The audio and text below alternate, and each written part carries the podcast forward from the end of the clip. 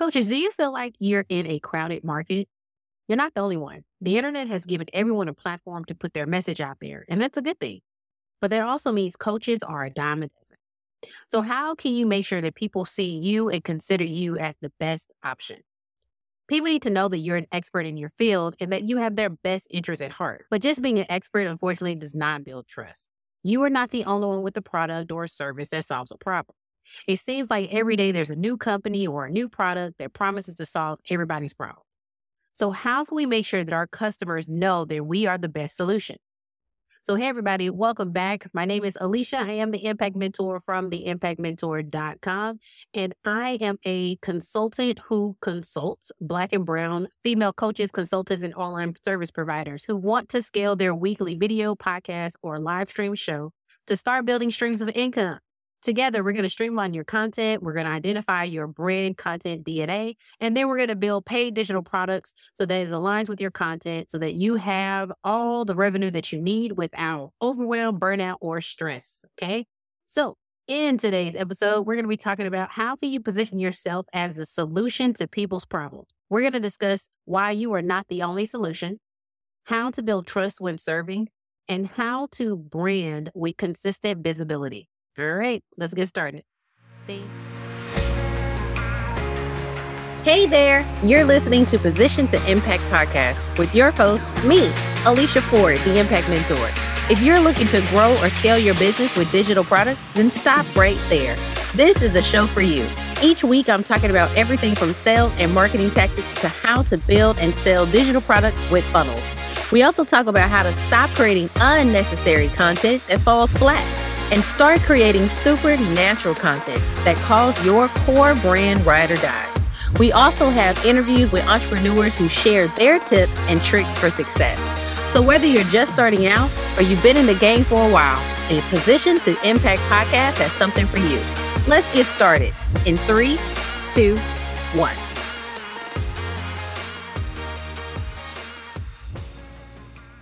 Okay, so branding is key.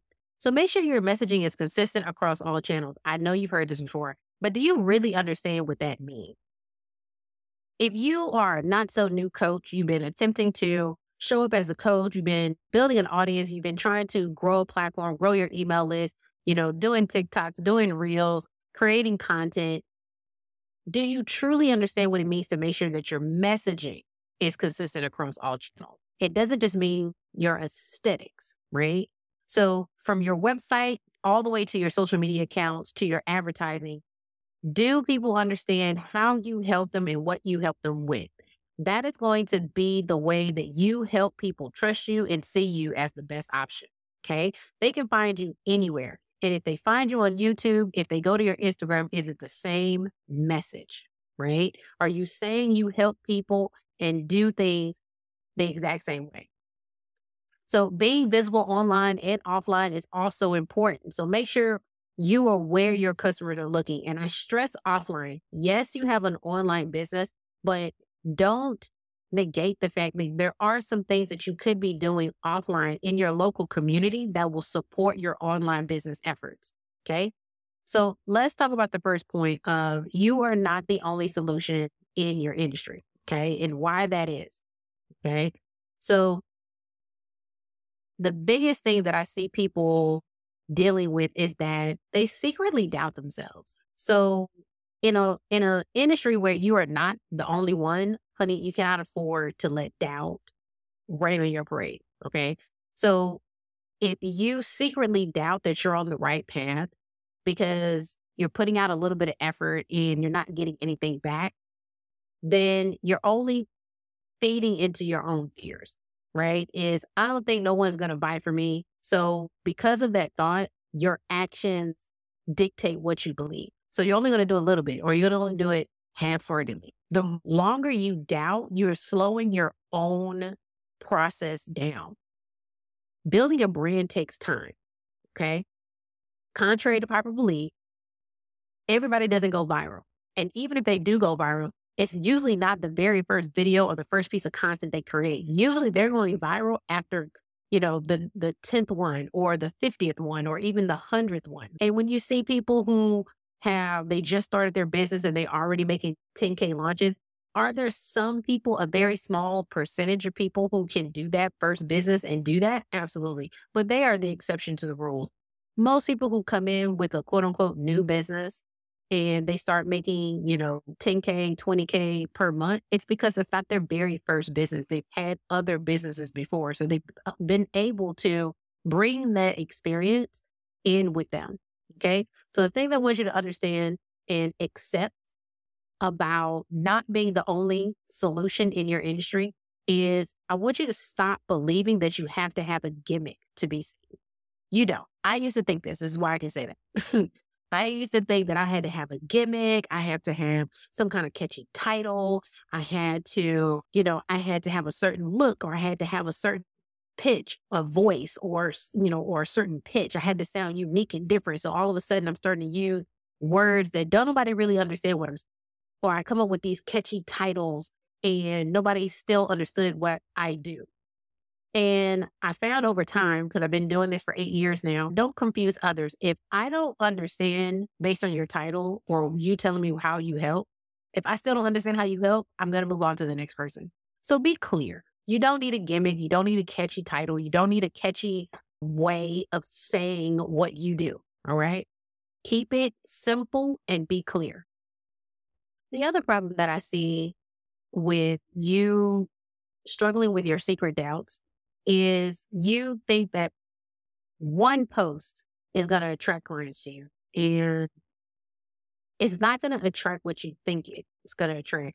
So what I mean by that, one post is going to, it's going to support you in your attraction process, but it's a combination and a collection of posting over time. It's the act of constantly posting. It is the consistent visibility that attracts. It is the, that is the the secret sauce to posting, right? It's the consistency of it. It's sometimes the one post, right? You see it on YouTube. YouTubers know this drastically, right? Just because you have two videos that have hit a million views doesn't mean you now have a million subscribers. You may have seen an increase in subscribers off of that. You may get an extra, you know, thousand or 10,000 subscribers, but a million views doesn't always mean a million subscribers. So even if you do get a, vi- a viral TikTok or a viral post or a viral reel, that doesn't mean that the people who liked it or interacted with, with it is your ideal client, right? That doesn't always negate to dollar sign. So that's why it's important to deal with the secret doubts that you feel and process that so that your actions can reflect accordingly. Because as long as you doubt yourself, you're going to hinder your ability to be consistent. Okay. So you are not the only person with a valuable solution. I don't know if you know that, but you're not. and I'm not either, right? I'm not the only person who talks about branding. I'm not the only person that talks about marketing. I'm not the only person who talks about, you know, creating content and digital products and all of that. I'm not the only person. And I can almost guarantee you there's some people who know way more than I do. So the same is going to be in your industry as well. You are not the only one. So people have options. But here's the beautiful part. The beautiful part about it is, and I heard this very recently from Michelle Cunningham. You can find her on YouTube. She literally said there are going to be things that I say that the next person in my same industry can say, but the people watching that person's video or listening to their podcast, it's still confusing.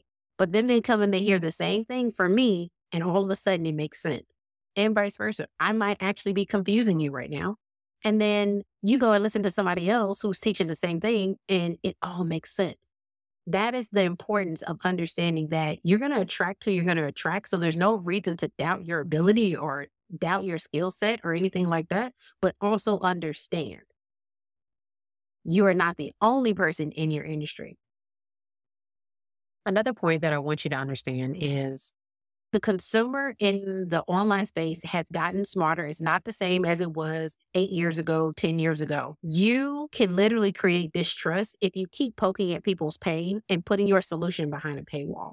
So, what do I mean by that? Is that older marketing tactics, especially online, was that if you said, Hey, I know you feel this, and I know you're like ashamed about this, and I know you're angry about that, and I know you feel like this, and you know, and I'm poking and poking and poking, and I'm telling you that the problem is you are not doing this and you're not doing that. And now you I've created this emotional, you know, charge within you and you're looking for relief. Like, and so you're looking for an answer. Well, how do I get past that? How do I stop feeling like that? Yeah, you're right. And then I say, okay, buy my $10,000 program. Well, back, you know, eight years ago, that worked. It was a tactic that worked. But now the consumer is smarter. And that doesn't work anymore because we understand the consumer now knows that there are options. They have options. So not only do you know that there are other options, they know that there are other options. And they're just going to go look for another option that is doable or they have deemed valuable to them. Okay. So people value their time, they value their attention, they value their email address now because everybody is asking for it. So that must mean it's a commodity. And plus, people are tired of constantly having to clean out their inbox. So people actually value their email addresses now and they value their money. So because they value those things, they're holding those things very close to their chest. So they want to make sure out of all of these options that you are the best for them. How do they determine that you are the best option for them? Is that they trust you, or they trust that you know what you're doing, or they trust that you can help them. And it's not just showing off your expertise, it's also showing off that you care. It's also letting them understand that you can help them because you've been helping them this whole time through your content. And so it's a concept of it's not about what you know. I'd rather you talk to me than at me, right? Because you have a lot of experts out there and they love to just talk. But they, I want you to realize that you can create an opportunity for people to feel like you're talking to them. That's why messaging is so important. You know, what you know is context. Like three ways to A, B, and C. The number one reason why you need to X, X, Y, Z, right? That's context. But messaging is, it is identifying my pain. It is saying that you understand. It is telling me what the problem, what the root of the problem is, and then offering me a solution, a very doable solution that I can do right now in this moment to get some relief from the problem and the pain that I feel. Right. And over time, the more I consume your content and you're helping me, you're helping me, you're helping me, understanding me, you understand me, you understand me, I'm then going to see and naturally start to identify like what is the difference between you and the next person or her and the next person is I trust her. I like her. She's been helping me. She knows what she's talking about. So you do that with the consistent posting, right?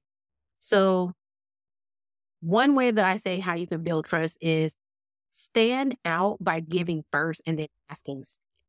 So in business, we love to just Hey, I got something to sell. Buy this. Hey, I got something to sell. Buy this. Hey, I have something to sell. Buy this. Hey, I have something to sell. Buy this. Right.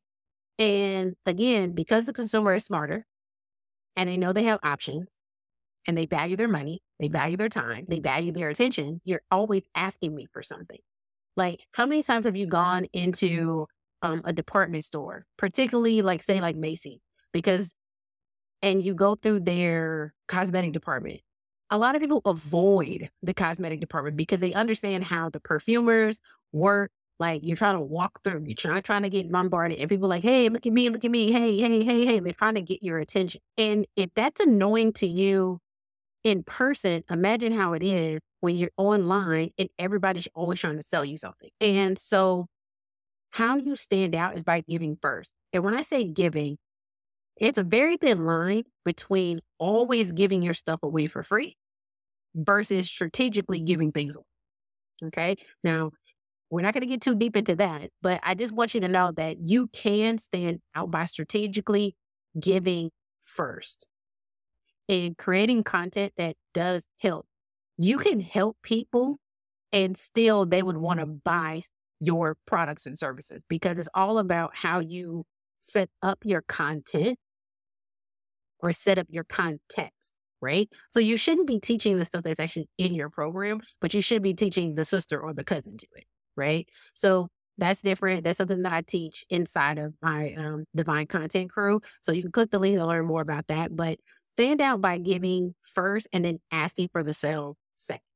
Another way you can build trust is through stories, like telling personal stories, telling people your why, telling people why you're passionate about it. Like, for example, the reason why I'm super passionate about this and making sure that coaches like you understand this and truly embody this is because I don't want you to waste your time. It took me let's say this is eight years at the time of this recording. It probably took me six years to figure this out. Okay. Why would you want to wait six years to figure this out?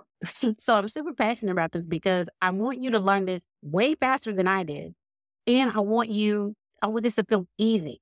I had to literally learn so many things in so many isolated situations where, and then I pieced it together based on my own thought process. And so it I want to help people learn this stuff faster and make it easier for them.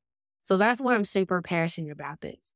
Okay. I just remember just being discouraged by posting something and not getting any likes or promoting something and crickets and no one clicks the links and no one does any of these things. Right. And or being discouraged because my email open rates are not industry standards or people just aren't opening my emails, or I would get people to sign up for my masterclass, but then when the day of the masterclass came, no one attended. And it can be very discouraging. You're like, you went through all this effort and why should I do it again? But the reality is, if this is your calling, if this is what you know you were meant to do, you shut up and you do it. Feel how you feel, acknowledge how you feel, give it to God, ask for healing, and then ask for peace, and then move on and go to the, and do it again, right? Because it's good. Again, it's the consistency, the consistent visibility that builds trust. It's the consistency in your messaging and being seen that's going to squash your doubt, that's going to grow your brand. It's the consistency. And so, lastly, I want to talk about building a brand through consistent visibility, like we were just saying. So, I want you to know that there's no sh in being a team of one until you become a team of two and doing only what you can do, being a team of one. There's no shame in it. So being consistent in visibility is doing what you can do and doing it consistently. Don't overload yourself. Don't say you're going to make five reels a week and post them Monday through Friday if that is something that you cannot be consistent with.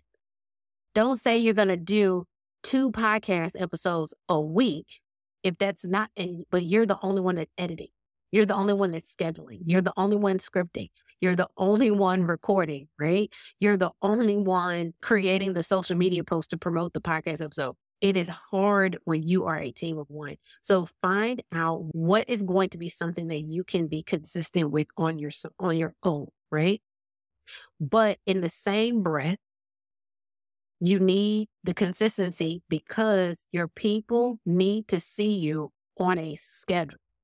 There's a reason why podcasters put on their banner, not podcasters, yep, podcasters and YouTubers, they tell people when they, every time they post. I post a new video every Tuesdays and Wednesdays. I post a new episode for a podcast every Friday. I guarantee you, people who are followers of you, the day that you don't show up on the day that you say you will, they know it. they see it because they specifically have put it in their minds like, oh, on Fridays, I go and I listen to Alicia's podcast. Or on Tuesdays, I go and I watch, just using her name again, Michelle Cunningham's video, right? That is the thing that they have built into their routine. So your routine becomes their routine. Okay. So let's just say you will create five TikToks in one time. But it's one or two things. You're either going to do it to where you sit down and you actually create five TikToks or five reels or five podcast episodes, and you are strategically scheduling them out on the days that you say you're going to schedule them. So now you have five weeks worth of podcast episodes. Or you are gearing up for something. Like you're trying to make a large noise.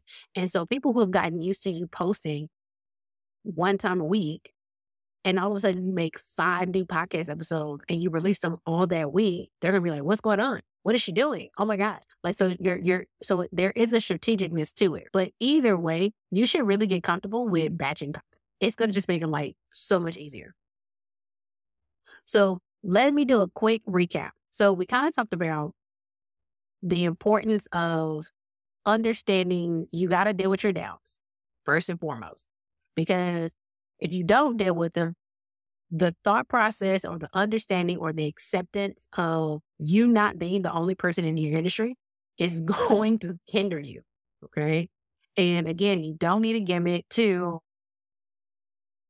to grow a following. You can just simply be you, right? And it's also going to take building trust.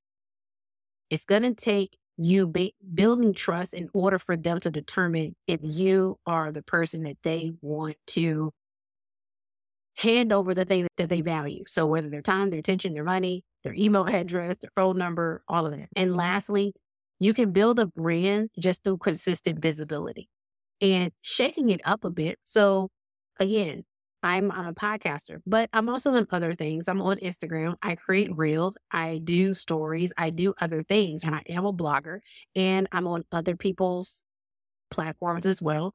So you can shake up your visibility kind of plan, so to speak, but you still, in essence, need to pick one primary platform. And I challenge you to go listen to, oh, I want to say it's episode two, season five. So season five, episode two, where I talk about having a primary platform you need the primary platform. You need mm-hmm. to consider batching your content once you do that. And then that'll open up the door to so much for you. All right. So that is it. I hope you enjoyed today's episode. Here, let me ask you a question. Are you ready to take your business to the next level? Your answer should be yes. If that is you, if you're ready to build consistent content but don't know where to start, if you're ready to give your content a whole new look, if you're ready to make sure that your messaging is on point so that you are actually attracting and driving results, then I challenge you to join the Divine Content Crew.